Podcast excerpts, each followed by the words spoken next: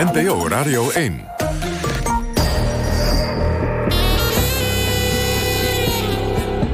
Argos.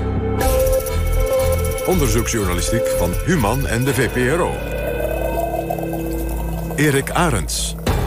Goedemiddag en welkom bij Argos. Stel, je voormalige landgenoten lijden onder het coronavirus. En jij kunt daar iets tegen doen door geld te doneren. Dat is natuurlijk een verzoek dat je niet kunt weigeren. Met die boodschap probeert de regering van Eritrea donaties op te halen onder de Eritrese gemeenschap in Nederland. Maar ja, hoe vrijwillig is zo'n bijdrage als je weet dat Eritrea wordt bestuurd door een dictatoriaal regime? En wat gebeurt er met dat geld? Daarover meer na half drie. Is dit. Misschien weet u het nog. Begin dit jaar onthulden we samen met Amerikaanse, Duitse en Zwitserse collega's hoe de geheime diensten CIA en de Duitse BND jarenlang vertrouwelijke communicatie afluisterden van meer dan 100 landen. Die spionage lukte omdat de geheime diensten in alle stilte een Zwitsers bedrijf hadden overgenomen, Crypto AG.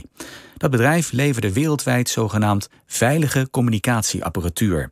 Maar de spionnen van Amerika en Duitsland bouwden stiekem achterdeurtjes in die apparaten. De informatie die ze op die manier wisten te onderscheppen, deelden ze met een handvol bondgenoten, waaronder Nederland. Maar werd ons land zelf ook afgeluisterd? Argos-verslaggever Huub Jaspers dook opnieuw in de top-secret documenten en vond onthullende nieuwe details.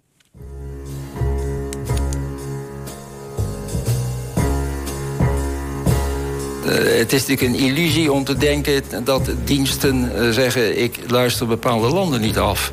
Als je landen kunt afluisteren en je hebt de apparatuur voor...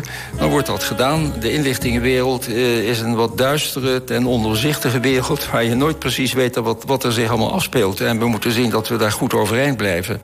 Dit zei Ben Bot, voormalig topdiplomaat en minister van Buitenlandse Zaken... op 15 februari in onze uitzending over operatie Rubicon. Bart Jacobs, hoogleraar computerbeveiliging aan de Radboud Universiteit, dacht er net zo over. Je kunt hier zeggen allemaal, ach en weet, het is heel erg fout... maar je kunt er beter hier realistisch tegenaan kijken en zeggen... dit is hoe de wereld functioneert en neem elkaar zit... en je daar te, uh, goed tegen wapenen. In deze wereld uh, is het een kwestie van eten of gegeten worden... en als je niet voldoende eigen kennisniveau in huis hebt, dan word je gegeten. Nederland zat, samen met een handvol andere landen... als mee-eter aan tafel bij de grote jongens. De CIA, de NSA en de Bundesnachrichtendienst. Kenners van de inlichtingenwereld leken daar opgelucht over. En misschien zelfs een beetje trots op. Deze bevoorrechte positie hadden we immers te danken aan het feit... dat de afluisterdienst van de Koninklijke Marine kon meedraaien in de wereldtop.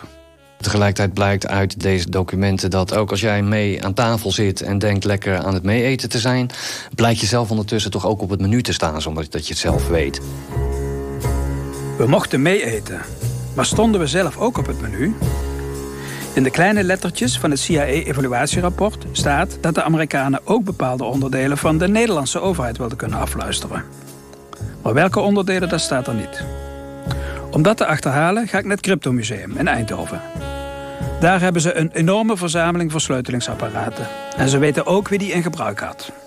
Mede-eigenaar Paul Reuvers laat me een mobilofoon zien. Een apparaatje zo groot als een autoradio in een blauw-zwart kastje. Het kon ingebouwd worden in een auto en er kon versleuteld mee worden gecommuniceerd. Reuvers scrolt door het schermpje met grote groene letters. Dit apparaat is nog voorzien van alle originele kanalen. Daar hebben wij niets aan gedaan. Uh, we hebben een tweetal van die apparaten... waarvan men verzuimd heeft de kanalen te wissen. En we zien dat die ingesteld staat op kanaal 611. En het was destijds het kanaal van de BSB. De Brigade Speciale Beveiligingsopdrachten. En rechts staat hier op het schermpje BSB. En links staat dan die, dat kanaal, eh, kanaal 611. Ja, we zoeken nu even door de kanalen heen. KLPD bijvoorbeeld hebben we hier. CRI, Centrale Recherche Informatiedienst. Het LRT, het Landelijk Rechercheteam. En zo gaat het nog een poosje door. Uh, deze apparaten werden ook gebruikt door de dienstbeveiliging Koninklijk Huis bijvoorbeeld. Door uh, speciale afdelingen van de Nederlandse spoorwegen. Eigenlijk overal waar je uh, op hoog niveau mensen moet beveiligen. Dat werd niet door elke politieagent gebruikt? Zeker niet, nee. Want dat waren dure apparaten? Het waren dure apparaten. Dit zijn echt behoorlijke high-profile klussen. Werden deze organisaties, zonder dat ze het zelf in de gaten hadden... afgeluisterd door de Amerikaanse en Duitse inlichtingendiensten? Straks meer hierover. Nu eerst nog even uitleggen wat operatie Rubicon ook alweer was. Het wordt al de inlichtingenkoep van de eeuw genoemd. Onder de dekmantel van een Zwitsers bedrijf luisterden de Amerikaanse en Duitse inlichtingendiensten jarenlang vriend en vijand af. Niet alleen landen als Iran en Nicaragua, maar ook veel bevriende Europese landen zijn ten prooi gevallen aan deze informatiehonger. Dit nieuwe spionageschandaal werd deze week door de Washington Post, de Duitse ZDF en het VPRO-programma Argos onthuld. Op 13 februari bericht een nieuwsuur over operatie Rubicon. Dat het ging om de inlichtingengroep van de eeuw staat in het top secret evaluatierapport van de CIA. Maar hoe ging Rubicon in zijn werk? In 1970 kochten de CIA en de BND in het diepste geheim het Zwitserse bedrijf Crypto AG op. Gespecialiseerd in het maken van versleutelde communicatieapparaten. Crypto AG was dé wereldmarktleider op dit terrein. Niet alleen omdat het de toptechnologie hier voor een huis had, maar ook omdat het een bedrijf uit het neutrale Zwitserland was. Daar hadden veel klanten meer vertrouwen in dan in bedrijven uit de NAVO of het Oostblok. Über 100 Staaten, auch Freunde, bezahlten Millionen für Verschlüsselungsgeräte, hinter denen CIA und BND steckten. Wat die klanten niet in de gaten hadden, was dat de versleutelingsalgoritmes van Crypto AG stiekem gecontroleerd en deels zelfs gemaakt werden door de NSE en de BND. Afhankelijk van wie de klant was, kreeg hij echt onkraakbare crypto of versleuteling met een achterdeurtje. Tot de Europese landen die afgeluisterd werden, behoorden NAVO-bondgenoten als Italië, Spanje, Griekenland en ook België. Nederland was juist een van de weinige landen die de informatie over de versleuteling kregen, waardoor ook de Nederlandse afluisterdienst de communicatie kon kraken. De Washington Post Hélène qui révèle ce matin que les services secrets américains et allemands. Dekname Rubicon. The most intelligent coup of the century. Скандал разведки США и Германии. For decades, United States enemies and allies alike have used the company Crypto AG door operatie Rubicon hadden de inlichtingendiensten van Amerika, Duitsland en een handvol bondgenoten inside-informatie over tal van belangrijke wereldgebeurtenissen. Vooral in de jaren 70 en 80. In de evaluatierapporten van de CIA en de BND worden tientallen voorbeelden genoemd. De Falklandoorlog tussen Engeland en Argentinië bijvoorbeeld. De oorlog tussen Iran en Irak. Het atoomwapenprogramma van Pakistan en de Camp David-onderhandelingen tussen Israël en Egypte. Na alle commotie is het stof neergedaald. Alleen in Zwitserland, waar de regering een onderzoek heeft ingesteld en het bedrijf Crypto AG faillissement heeft aangevraagd, zorgt de affaire nog af en toe voor opschudding. Die Rundschau. Bern hörte mit. In der Kryptospionageaktion war die Schweiz Komplizin. Toch is het verhaal over Rubicon nog lang niet verteld. Als ik opnieuw in de evaluatierapporten duik, ontdek ik dat de Amerikanen fikse ruzie hadden met de Duitsers over leveringen van communicatieapparatuur aan Frankrijk en Nederland. De Amerikanen maakten zich steeds meer zorgen over de verspreiding van onkraakbare apparaten, staat er in het CIA-rapport. En? De BND ging precies de andere kant op. Door de uitbreiding van de Europese Unie integreerden de Duitsers steeds meer met de economieën van hun buurlanden. Ze moesten de relaties met die landen goed houden. De ruzie ging over apparaten van een ander Zwitsers bedrijf, Ascom. Dat dreigde een serieuze concurrent van Crypto AG te worden, maar werd uiteindelijk ingelijfd door de dekmantelfirma van de CIA en de BND. De versleutelde mobilofoons die Ascom maakte, golden als onkraakbaar en waren vooral bedoeld voor de politie. Althans, voor speciale afdelingen van de politie, want de dingen waren peperduur. Maar aan welke landen mochten ze geleverd worden? Daarover konden de Amerikanen en de Duitsers het maar niet eens worden. Van die oneenigheid wist de Nederlandse politie niets toen ze belangstelling toonde voor de cryptofoons van Ascom. Nederland zat verlegen om veilige communicatieapparatuur. Dat had alles te maken met een spraakmakende gijzeling in de zomer van 1989. Nou, politie komt in actie, iedereen moet weg. Allemaal weg! Nou, de politie pakt nu, de pistolen worden nu getrokken door de politieagenten. Hij, spreekt in het Duits. Wil eerst terugvaren, hoor ik.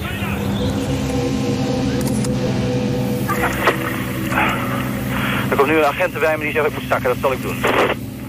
Verslaggever Jan Westerhof van Omroep Gelderland doet als ooggetuige verslag van wat zich afspeelt op een parkeerplaats bij een tankstation langs de A12 bij Arnhem. Het is donderdagochtend 22 juni 1989, rond 9 uur. Twee uur daarvoor heeft Charles van der Kieft, een kolonel van de Koninklijke Landmacht, zijn huis in Apeldoorn verlaten.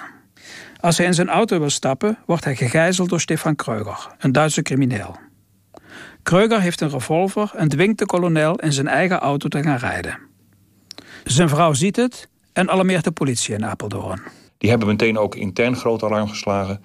Niet alleen door politieauto's die kant op te sturen en die auto te laten volgen met die verdachte en die gegijzelden daarin. Maar die hebben ook onmiddellijk het arrestatieteam van de Rijkspolitie, het arrestatieteam Oost, zoals dat heette, eh, gewaarschuwd. Want ja, men had wel in de gaten, dit is een zeer gevaarlijke verdachte met een vuurwapen. En het is een situatie van een gijzeling.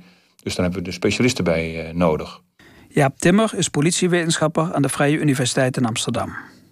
Voor zijn proefschrift over politiegeweld maakte hij een gedetailleerde reconstructie van de affaire van der Kift. Er is een sectiecommandant, dus een operationeel leidinggevende, die is gewaarschuwd, meteen van huis gegaan, wonen daar ook dichtbij. En is gaan rijden, heeft onderweg zijn, uh, een groep mensen geformeerd waarmee hij uh, zo snel mogelijk die auto ging volgen die hele stoet, zeg maar, waar er zaten verschillende politieauto's achter, ging volgen. En uiteindelijk kwam dat ergens rond een uur of acht uit, uh, met na wat omzwervingen bij het uh, benzinestation langs de A12 in de buurt van uh, Arnhem. Die gijzelnemer en zijn gegijzelde, die kwamen daar aan. De politie heeft ook meteen daar het verkeer stilgelegd. maar er waren ook mensen in dat benzinestation en die gijzelnemer is met die gegijzelde onder schot, dat revolver echt in zijn hals de hele tijd gedrukt het benzinestation ingelopen, dus het, het gebouwtje. Heeft daar ook mensen onder schot genomen en bedreigd, et cetera. En heeft toen zelf daar de politie uh, gebeld. Uh, dat kreeg dus contact met de meldkamer in Arnhem. Heeft zich bekendgemaakt. Ook dat hij een kolonel had gegijzeld. Die man die was in uniform, dat was voor iedereen ook zichtbaar. Ehm, en hij eiste losgeld van 1 miljoen gulden en een aantal hoeveelheden van verschillende drugs. Ondertussen was het arrestatieteam ter plaatse gekomen, uh, gingen geen interventie uh, doen. Want ja, er waren ook allerlei andere burgers en, en, personeel en zo van het benzinestation in dat gebouw en daaromheen. En op het moment dat die gijzelnemer met zijn gegijzelde dat gebouwtje uitkomt, voelt hij zich in het nauw gedreven door de aanwezigheid van zichtbare politie. En toen heeft hij ook een paar schoten afgevuurd in de richting van het arrestatieteam. Niemand geraakt, maar dat gaf ook meteen aan uh, wat uh, de, de, gevaarzetting was. En ja, dat het een behoorlijk onberekenbare figuur was. Toen is hij weer in de auto gaan zitten. En ondertussen had de operationeel commandant van het arrestatieteam... al tijdens het aanrijden naar de situatie toe gevraagd... in versluierde taal, maar daar komen we zo nog op... om precisieschutters van de bijzondere bijstandseenheid te krijgen... als ondersteuning in deze situatie. En uiteindelijk zijn die precisieschutters ter plaatse gekomen. En rond een uur of negen vielen daar twee schoten uit een geweer van een precisieschutter ze hebben neergeschoten. Op dit moment, uh, er is geschoten. Uh, hij ligt op de grond, is een man met een groen jack. Er is twee keer geschoten, ik weet niet wie er geschoten heeft. Nou, de politie roept alle instructies tegenover ons. Kom op, allemaal terug! En uh, ik kan niet zien wat er met, met de gijzelaar gebeurd is. Of die al uit de auto komt. Ja. Er is om een ambulance geroepen. Dat doet bijna het eerste vrezen. De eerste kogel is uh, afgeketst op de voorruit van de auto... waar intussen die gegijzelde met zijn gijzelnemer weer zat. De gegijzelde kolonel zat achter het stuur. En het tweede schot uit het precisiegeweer, een aantal seconden later... ging wel door de ruit uh, heen, maar bleek naderhand niet de gijzelnemer te hebben getroffen... maar de gegijzelde kolonel. Uh, dodelijk ook, want die was in zijn hoofd geraakt. En ja, daar was geen eerste hulp meer tegen opgewassen. Hoewel de Rijksrecherche en het Openbaar Ministerie het drama onderzochten, is nooit precies vastgesteld waarom de kogel niet de Duitse crimineel raakte, maar de gegijzelde kolonel. Er werden wel suggesties gedaan. De schutter van de politie lag in een ongunstige positie.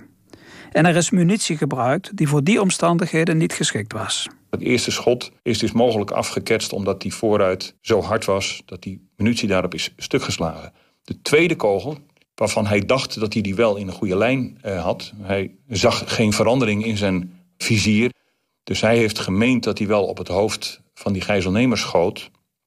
Maar de tweede kogel heeft wel die ruit kunnen doordringen. Waarschijnlijk omdat de spanning op dat moment gebroken was hè, door die eerste inslag. Het kan ook zijn, maar dat weten we niet. Die gijzelnemer heeft daar nooit iets over willen verklaren. Maar het zou goed kunnen zijn dat na het eerste schot hij als reactie erop die kolonel naar zich toe heeft getrokken en als een soort van dekking heeft gebruikt. Dus als hij dat niet had gedaan, was hij mogelijk wel zelf getroffen geweest. Maar hij heeft dus de kolonel als een eh, soort kogelvanger eh, gebruikt. De precieze oorzaak van de fatale fout is nooit achterhaald. Maar achteraf is wel gebleken dat gebrekkige communicatie bij de politie een belangrijke rol heeft gespeeld. En misschien zelfs doorslaggevend is geweest voor de desastreuze afloop. Het was de tijd voor de mobiele telefoon. De hele politie toen opereerde met uh, zowel portofoons, dus, uh, draagbare dingen, als mobielefoons dus in de voertuigen. Communiceren over open kanalen. Dus dan kon je met een politiescanner en die kon je in iedere radiozaak kon je die kopen, kon je dat allemaal uitluisteren. Dat waren die politiemensen zich natuurlijk ook heel erg bewust. Uh, zeker die lui van het arrestatieteam, want die gingen natuurlijk vaak in gevoelige zaken aan de slag. Dus vanaf het prille begin dat die chef van het arrestatieteam, die operationeel leidinggevende, uh, aan het rijden was. En ja, ondertussen bedacht, uh, ook met zijn uh, naaste mensen, dat daar wel eens een precisieschutter nodig zou kunnen zijn om dat goed op te lossen. heeft hij over die open verbindingen in versluierde taal gesproken en gevraagd om de komst van die precisieschutters. En de operationeel commandant van die precisieschutters, die heet René. En hij vroeg dus over de open verbindingen. Laat René komen en laat hij dat ding meenemen. Nou, bij de Rijkspolitie wist dus meteen dat René de man was van die uh, lange afstandsprecisiegeweren met bijbehorende schutters. Maar zo sprak hij daar dus uh, over. En onderweg heeft hij meermalen gevraagd van is René al onderweg? Toen ze eenmaal ter plaatse waren, heeft hij ook iedere paar minuten... dat hoorde je dus terug in de meldkamerbanden... die allemaal in het Rijksrecherche-dossier zitten... hoor je hem vragen, is René al onderweg? En hoe zit het met de geweldsinstructie? Hebben we toestemming? De commandant van het arrestatieteam communiceerde aanvankelijk met de Rijkspolitie in Apeldoorn. Daar begrepen ze wat hij bedoelde. Maar toen de gijzeling tot stilstand kwam op de parkeerplaats bij de A12, verplaatste het commandocentrum zich naar de politie in Arnhem. En daar hadden ze niet door dat de AT-commandant vroeg om toestemming voor de inzet van scherpschutters. Dat is dus schieten om te doden. Dat doen we in beginsel niet. Daar is een politieambtenaar in beginsel niet toe bevoegd. Tenzij er dus zodanige situatie is dat ook de minister van Justitie en de plannenmakerij een afweging kan maken en zeggen: het leven van een gegijzelde weegt hier zwaarder dan het leven van de gijzelnemer. En als de situatie niet anders is op te lossen dan met een finaal schot, dan moet dat maar. Deze zware toestemmingsprocedure was volgens Timmer niet puur een juridische formaliteit. De minister zou zo'n besluit nooit in zijn eentje nemen, maar hij had voor de beoordeling van de situatie een aantal adviseurs, specialisten, die alles wisten van het wapen, de verschillende soorten munitie, ballistische eigenschappen en ook van de omstandigheden waaronder precisieschutters wel of niet ingezet kunnen worden. Het kan goed zijn dat die hadden besloten van hé, hey, maar met dit wapen in die situatie is dit wapentechnisch gewoon niet verantwoord. En het kan dus ook zijn geweest dat er nog een heel andere sturing aan was gegeven door de minister en zijn adviseurs. Dan uh, we leggen er een cordon omheen en we gaan het op een andere manier proberen op te lossen. De interventie is ingezet omdat die gijzelnemer weer wilde gaan rijden. En die chef van het arrestatieteam die wilde voorkomen dat die auto met die gewapende man erin en die gijzelaar die file in zou gaan rijden. Die AT-commandant was eigenlijk helemaal niet bevoegd om dat vuurbevel te geven. Maar de uh, commandant van de schutters, die was niet in staat om het vuurbevel te geven... omdat hij geen communicatie had met die schutter... want ze hadden geen verbeidende portofoon bij zich. Die AT-commandant, die was dichter bij die schutter... die kon hem door de lucht roepend uh, bereiken... en die heeft dus geroepen, als je hem pakken kunt, pak je hem. Nou, kort daarna vielen die schoten. Maar die hele commandovoering en die beslissingslijnen... die hadden dus eigenlijk nooit niet alleen formeel juridisch, maar ook operationeel nooit zo mogen lopen. Want zo'n AT-commandant mag nooit dat vuurbevel geven. Volgens politiewetenschapper Jaap Timmer was het gijzelingsdrama mogelijk heel anders geëindigd. Als de politiecommunicatie niet tot misverstanden had geleid. Er waren allerhande communicatieproblemen binnen deze hele situatie. Ik weet dat het intern, zeg maar, onder de operationele mannen, is gebruikt als argument van nu moeten we toch echt die crypto-spullen hebben. Want ja, ook opnieuw gaat het hier niet goed doordat we die crypto-spullen niet hebben. Dat brengt ons terug bij het verhaal over Ascom, het Zwitserse bedrijf waar de Nederlandse politie cryptofoons wilde kopen. Een wens waarover de BND, de Duitse inlichtingendienst, ruzie kreeg met de CIA. Kreeg de Nederlandse politie die apparaten nu wel of niet? En waren ze ook echt veilig? Hier is Mark, hier is Mark van het Crypto Museum, Crypto Portabel, Crypto Portabel. Hier is Mark van het Crypto Museum, Crypto Portabel. We staan hier bij een mobielefoon van het merk Ascom. Nou, je hoort hoe ontzettend goed dit klinkt. Ja. Het is een uh, gebruikelijke mobielefoon. Mhm. Uh, met portofoon erbij, zoals die bij de politie in gebruik waren. Maar deze is een bijzondere, omdat die voorzien is van hoogwaardige cryptografie. En dat was natuurlijk opgericht om ervoor te zorgen dat je niet kan worden afgeluisterd... door de scannerluisteraars die in de jaren 80 en 90 massaal eigenlijk de politie afluisterden. Hoe kom jij aan het apparaat? Dit apparaat is uh, een keer gevonden hier voor de voordeur. Op een uh, zondagochtend ging de bel en uh, ik deed de voordeur open... en er stond een kartonnen doos met okay. spullen Oh ja, zo gaat dat soms. Zo gaat dat.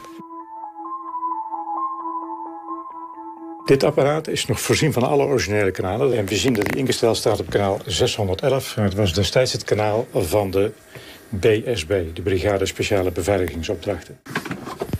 Nu komt er uit een uh, plastic kistje hier een lijst. Wat, wat, is dit?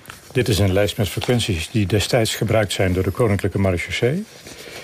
Op deze lijst zie je de kanaalnummers staan die gebruikt zijn. En rechts daarvan zie je een kolom met de bijbehorende frequentie. En die frequenties zitten allemaal in de 400 megahertz band.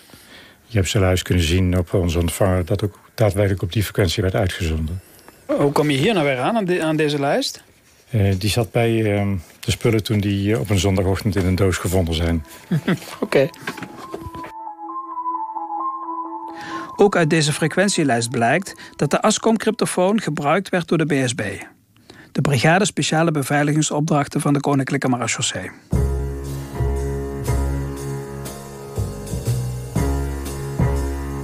Je moet ervan uitgaan dat de vijand altijd oog op je heeft. Je bent elke seconde van je opdracht ben je bezig met in je achterhoofd... dat iemand iets kan doen waar jij voor aan het werk bent om dat te voorkomen. Rico Bridjal was lid van de BSB. Wanneer precies wil hij niet vertellen. En ook niet bij welke operaties hij betrokken was. Daar rust ook nu, jaren later, nog steeds geheimhouding op. Maar de lijst is lang, verzekert hij. En daarbij gaat het niet alleen om operaties in Nederland... maar ook om oorlogsgebieden, zoals Afghanistan. In zijn algemeenheid wil Bridjal wel iets vertellen over het werk van de speciale brigade. De BSB is opgericht om echt een slagvaardig uh, reactie te kunnen geven tegen extremer geweld. Zij houden zich bezig met terrorisme en uh, zware criminaliteit. En uh, daar zijn verschillende afdelingen binnen de organisatie die zich op heel diverse vlakken bezighouden. Van persoonsbeveiliging tot de aanhouding van vuurwapengevaarlijke verdachten. BSB heeft als werkplek de wereld. Dus overal waar brandhaarden zijn, conflictgebieden, postconflictgebieden. De BSB heeft verschillende opdrachtgevers. Naast het ministerie van Defensie, Buitenlandse Zaken, Binnenlandse Zaken, Algemene Zaken, uh, Justitie en Veiligheid. Je werkt met mensenlevens. De keerzijde van het fantastische werk is dat het een heel hoog risico, persoonsgebonden risico met zich meedraagt. Vanwege die risico's is geheimhouding soms letterlijk van levensbelang en moeten teams in een operatie absoluut veilig kunnen communiceren. Communicatie is misschien wel het belangrijkste onderwerp binnen dit soort eenheden. Je moet effectief kunnen communiceren in een hele korte tijd, heel veel kunnen zeggen. En wat je communiceert, dat is slechts voor enkele oren toevertrouwd. En dan wil je ook dat de communicatie vanzelfsprekend natuurlijk geheim blijft.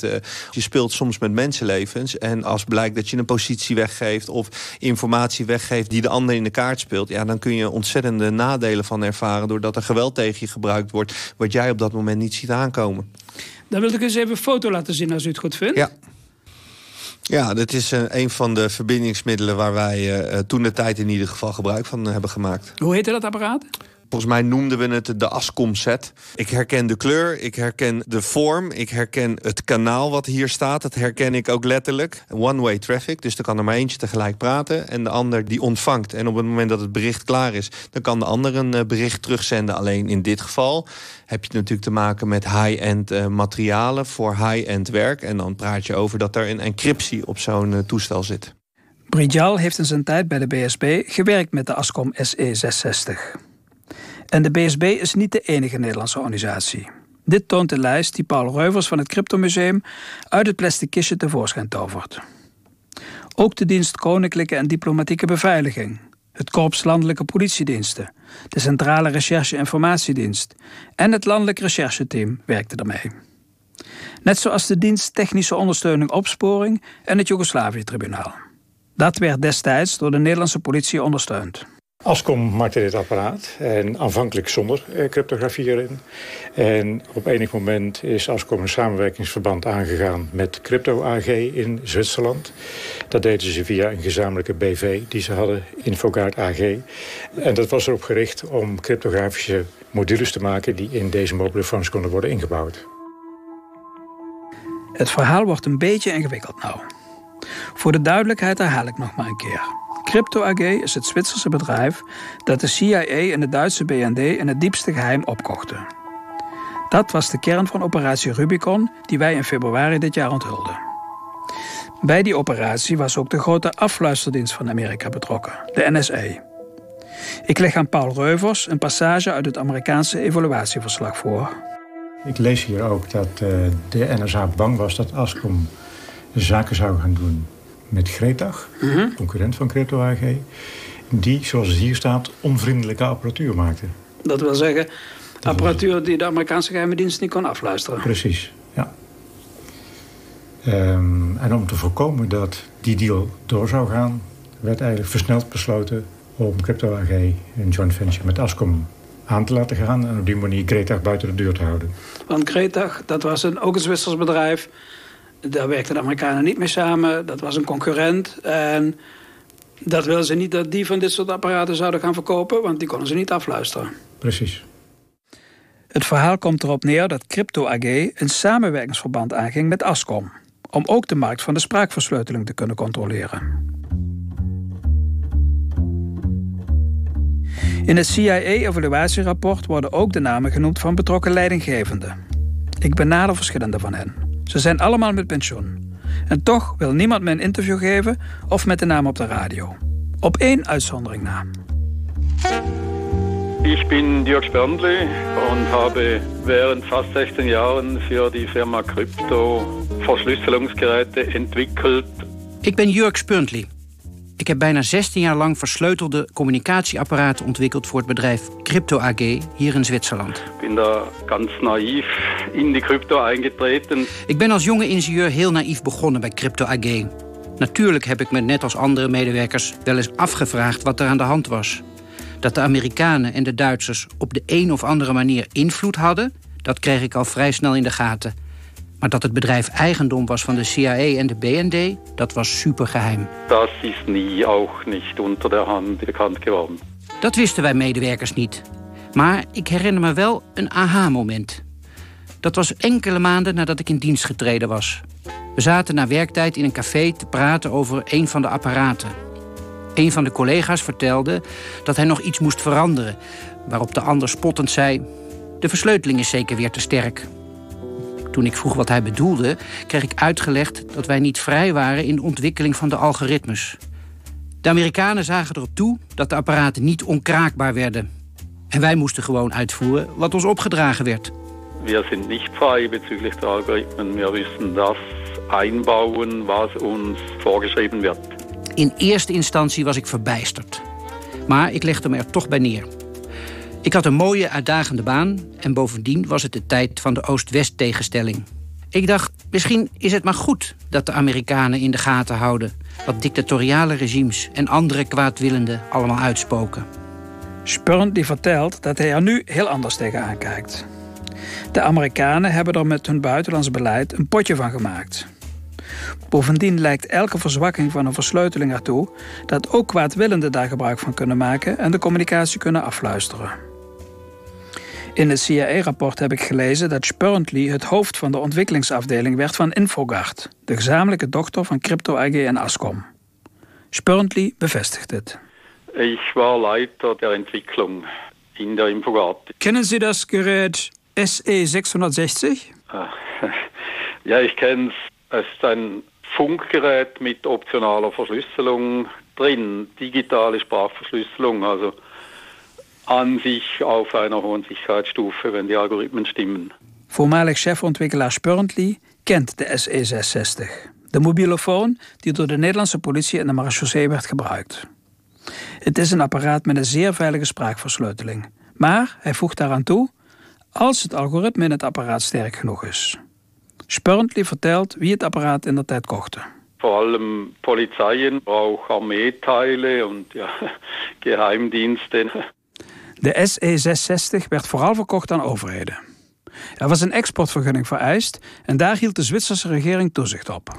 De klanten waren politieorganisaties, legeronderdelen en geheime diensten.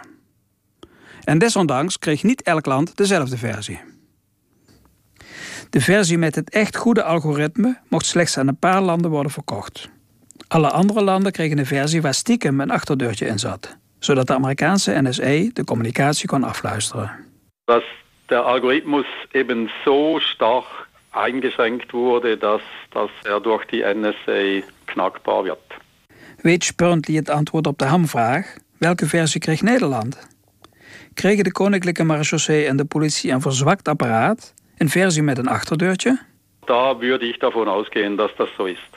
Die Niederlande haben dieses SE 660 gekauft für die geheimsten Teile der Polizei. Müssen wir davon ausgehen, dass das dann ein Gerät war, wo bewusst eine Hintertür eingebaut war? Das meine ich schon, ja. Das Kryptomodul, das als Bestandteil des Funkgerätes 660 an die niederländischen Behörden ausgeliefert wurde, das ist fast mit Garantie mit einem eingeschränkten Algorithmus geliefert worden, weil sich die Krypto AG, die hat sich ganz strikt an die Vorgaben gehalten, die seitens der Eigentümer gemacht wurden. Spurntly is ervan overtuigd dat Nederland een afgezwakte versie kreeg. Maar hij zat niet bij de verkoopafdeling en hij heeft er ook geen bewijs van. Ik vind dat bewijs wel. In het CIA-evaluatierapport van Operatie Rubicon. Daarin staat: Nederland kreeg uitsluitend Ascom-apparaten met een achterdeurtje. De Duitsers maakten hier flink ruzie over met de Amerikanen. In eerste instantie hadden de CIA en de BND een zogeheten vierpijlerbeleid afgesproken. Onkraakbare apparaten mochten alleen worden verkocht aan vier partijen: grote commerciële banken en de overheden van drie landen: Duitsland, Zwitserland en Zweden. Alle andere klanten moesten een versie met een achterdeurtje krijgen. De Amerikanen weigerden halstarrig om Frankrijk en Nederland aan de vier pijlers toe te voegen. Iets dat de Duitsers vurig bepleiten. De Duitsers kregen onmiddellijk spijt van het vierpijlerbeleid. Dat had vooral te maken met hun gestaag sterker wordende banden met Nederland en Frankrijk. Om aan deze landen kraakbare encryptie te leveren, kon gezien worden als strijdig met de politieke ontwikkelingen. Zo staat het letterlijk in het CIA-evaluatierapport. Behalve de Europese integratie speelde er nog iets anders. Duitsland had een Europees afluistergenootschap opgezet, Maximator. Daarvan maakte Nederland en Frankrijk deel uit. De Duitse wens om juist die twee landen toe te voegen aan de vier pijlers leidde tijdens een geheime Rubicon-conferentie in april 1987 tot verhitte discussies. Ruim een jaar later leidde de discussie opnieuw op. Maar de Amerikanen hielden voet bij stuk en kregen hun zin. Ook dit is te lezen in het CIA-evaluatierapport. Wat heeft de aanschaf van de SE660 Nederland gekost? Ik krijg een rekening te zien, waaruit blijkt dat een setje van twee mobilofoons met kabels en randapparatuur omgerekend ruim 10.000 euro kostte. En van een zeer goed geïnformeerde insidebron in Zwitserland krijg ik te horen dat Nederland minimaal 625 van deze apparaten gekocht heeft. Als dit klopt, geldt ook voor Nederland, wat de CIA spottend schrijft in het evaluatierapport. Namelijk dat veel regeringen miljoenen dollars hebben betaald voor het privilege hun meest vertrouwelijke communicatie te laten afluisteren door de Bundesnachrichtendienst en de CIA. En dit terwijl Nederland dacht juist samen te werken met die twee diensten. Het is interessant om te zien dat er wordt samengewerkt in dit hoogst geheime project tussen de Amerikanen en de Duitsers. En tegelijkertijd is er ook voortdurend hommeles in de tent, omdat men er toch andere ideeën over heeft, andere belangen. Jelle van Buren. Hij is onderzoeker en docent aan de Universiteit Leiden en expert op het terrein van de inlichtingendiensten. Ik laat hem een deel van het Rubicon-evaluatierapport van de CIA lezen. Wat de Amerikanen betreft moet eigenlijk alles en iedereen ter wereld gewoon afluisterbaar zijn. Of nou vrienden zijn of vijanden, maakt niet uit. Als wij toegang tot communicatie willen hebben, dan moeten we dat kunnen. De Duitsers zijn ietsje preciezer. Waar het gaat om zeg maar, de erkende vijanden ondersteunt men natuurlijk van harte het plan. Men vindt het lastiger om bondgenoten ook op deze manier eigenlijk afgezwakt materiaal in handen te geven. Dan gaat het ook met name, worden daar Frankrijk en Nederland in genoemd. Twee partners in dat bondgenootschap wat Duitsland opgezet had, Maximator. Precies, dus dan heb je het echt over landen die eigenlijk al heel dicht aan je borst gedrukt zijn. Maar die dan plotseling weer niet tot het selecte gezelschap der vertrouwelijken behoren. Dus daar zit natuurlijk ook een spanning in. Tegelijkertijd zie je, en dat is wel het interessant ook aan dit dossier. De Duitse positie verandert ook door de voortschrijdende Europese integratie en de Duitse hereniging. Duitsland was daarvoor veel afhankelijker van Amerika voor bescherming, maar bijvoorbeeld ook om die hereniging te krijgen, wat natuurlijk altijd een doel is geweest van West-Duitsland. De Europese Unie werd plotseling sterker en groter en ging zich uitbreiden. De relatie met Frankrijk was essentieel voor Duitsland. Hè, de bekende Duits-Franse as of motor die de Europese Unie aandreef. Dus Duitsland vond het steeds politiek ingewikkelder worden... maar het is uiteindelijk natuurlijk altijd gewoon een soort kosten-baten-analyse. Willen we eigenlijk nog steeds onze nauwste en trouwste bondgenoten... op dit gebied blijven belazeren? Nou, uiteindelijk willen de eh, Duitsers dat niet. De Amerikanen wilden het per se wel. En de Amerikanen hebben toch gewonnen. Is het nu eigenlijk erg dat dit gebeurd is? Dat Duitsland en Amerika communicatie van de Nederlandse politie kon afluisteren? Dat zijn onze bondgenoten. Ja, dat is wel erg. Ze zijn onze bondgenoten. Tegelijkertijd blijkt uit deze documenten dat het begrip bondgenoot buitengewoon uh, rekkelijk wordt opgevat. Elk land kan om moverende redenen willen dat bepaalde dingen gewoon absoluut vertrouwelijk blijven. Ook voor zogenaamde of echte bondgenoten. En daar moet je op kunnen vertrouwen. Als dat gewoon structureel niet het geval blijkt te zijn geweest, dan is dat absoluut een probleem. Ook oud-BSB'er Rico Brijal vindt het een probleem dat de beveiligde communicatieapparaten die hij en zijn maten gebruikten een achterdeurtje hadden buiten het feit dat het klinkt als dat bondgenoten je een oor aan proberen te naaien. De kracht van dit soort eenheden is dat ze heel gesloten werken. Dus alle informatie blijft binnen de eenheid. Sterker nog, blijft binnen het team. Uh, mijn parallelteam wist soms helemaal niet waar wij mee bezig waren en andersom. Dus je wil gewoon niet dat derde meeluisteren. Die beveiligde communicatie is daarom cruciaal. En daarom wordt er ook heel veel energie en geld ingestopt om dat mogelijk te maken. Je kan je afvragen of wanneer een zware crimineel wordt aangehouden door een arrestatieteam, of de Amerikanen daar wat aan hebben. De waarde van de informatie, dat is denk ik een andere discussie. Het feit dat het mogelijk is, ja dat, dat is, ja, dat wil je niet.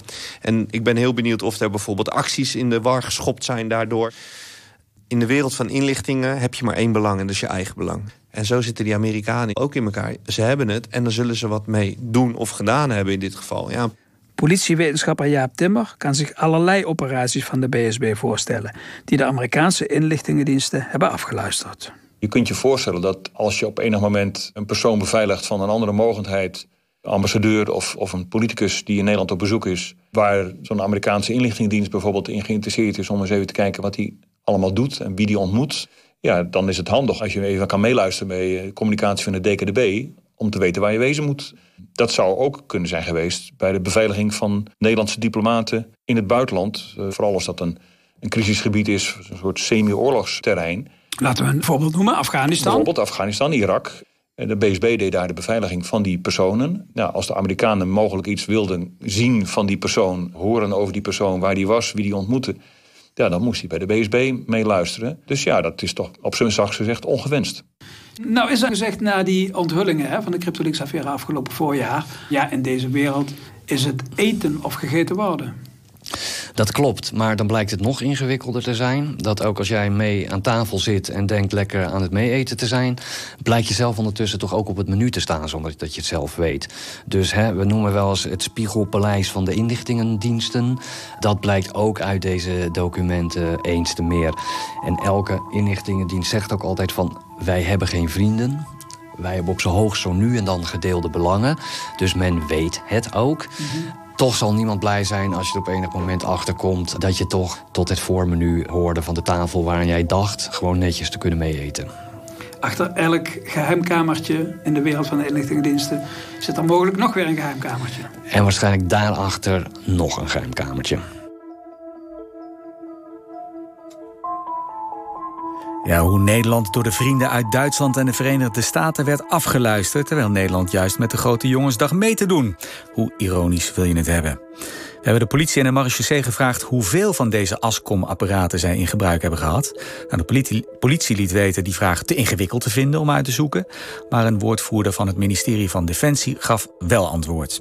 De marechaussee heeft in de tijd ongeveer 150 van deze apparaten aangeschaft... en gebruikt tussen 1997 en 2008. De kans dat operaties daardoor in gevaar zijn gekomen achter het ministerie klein, want de eenheden zouden steeds in een eigen geheime taal hebben gecommuniceerd. SP Tweede Kamerlid Ronald van Raak zegt dat deze onthulling nog steeds actuele waarde heeft, omdat de politie bij dit soort apparatuur ook nu nog afhankelijk is van andere landen, en dan met name de Verenigde Staten en Israël. Van Raak gaat de regering dan ook om opheldering vragen. U luisterde naar een reportage van Huub Jaspers, eindredactie Harry Lensink en de techniek was in handen van Alfred Koster. En wilt u dit verhaal nog eens terugluisteren? Ga dan naar onze website vpro.nl/argos.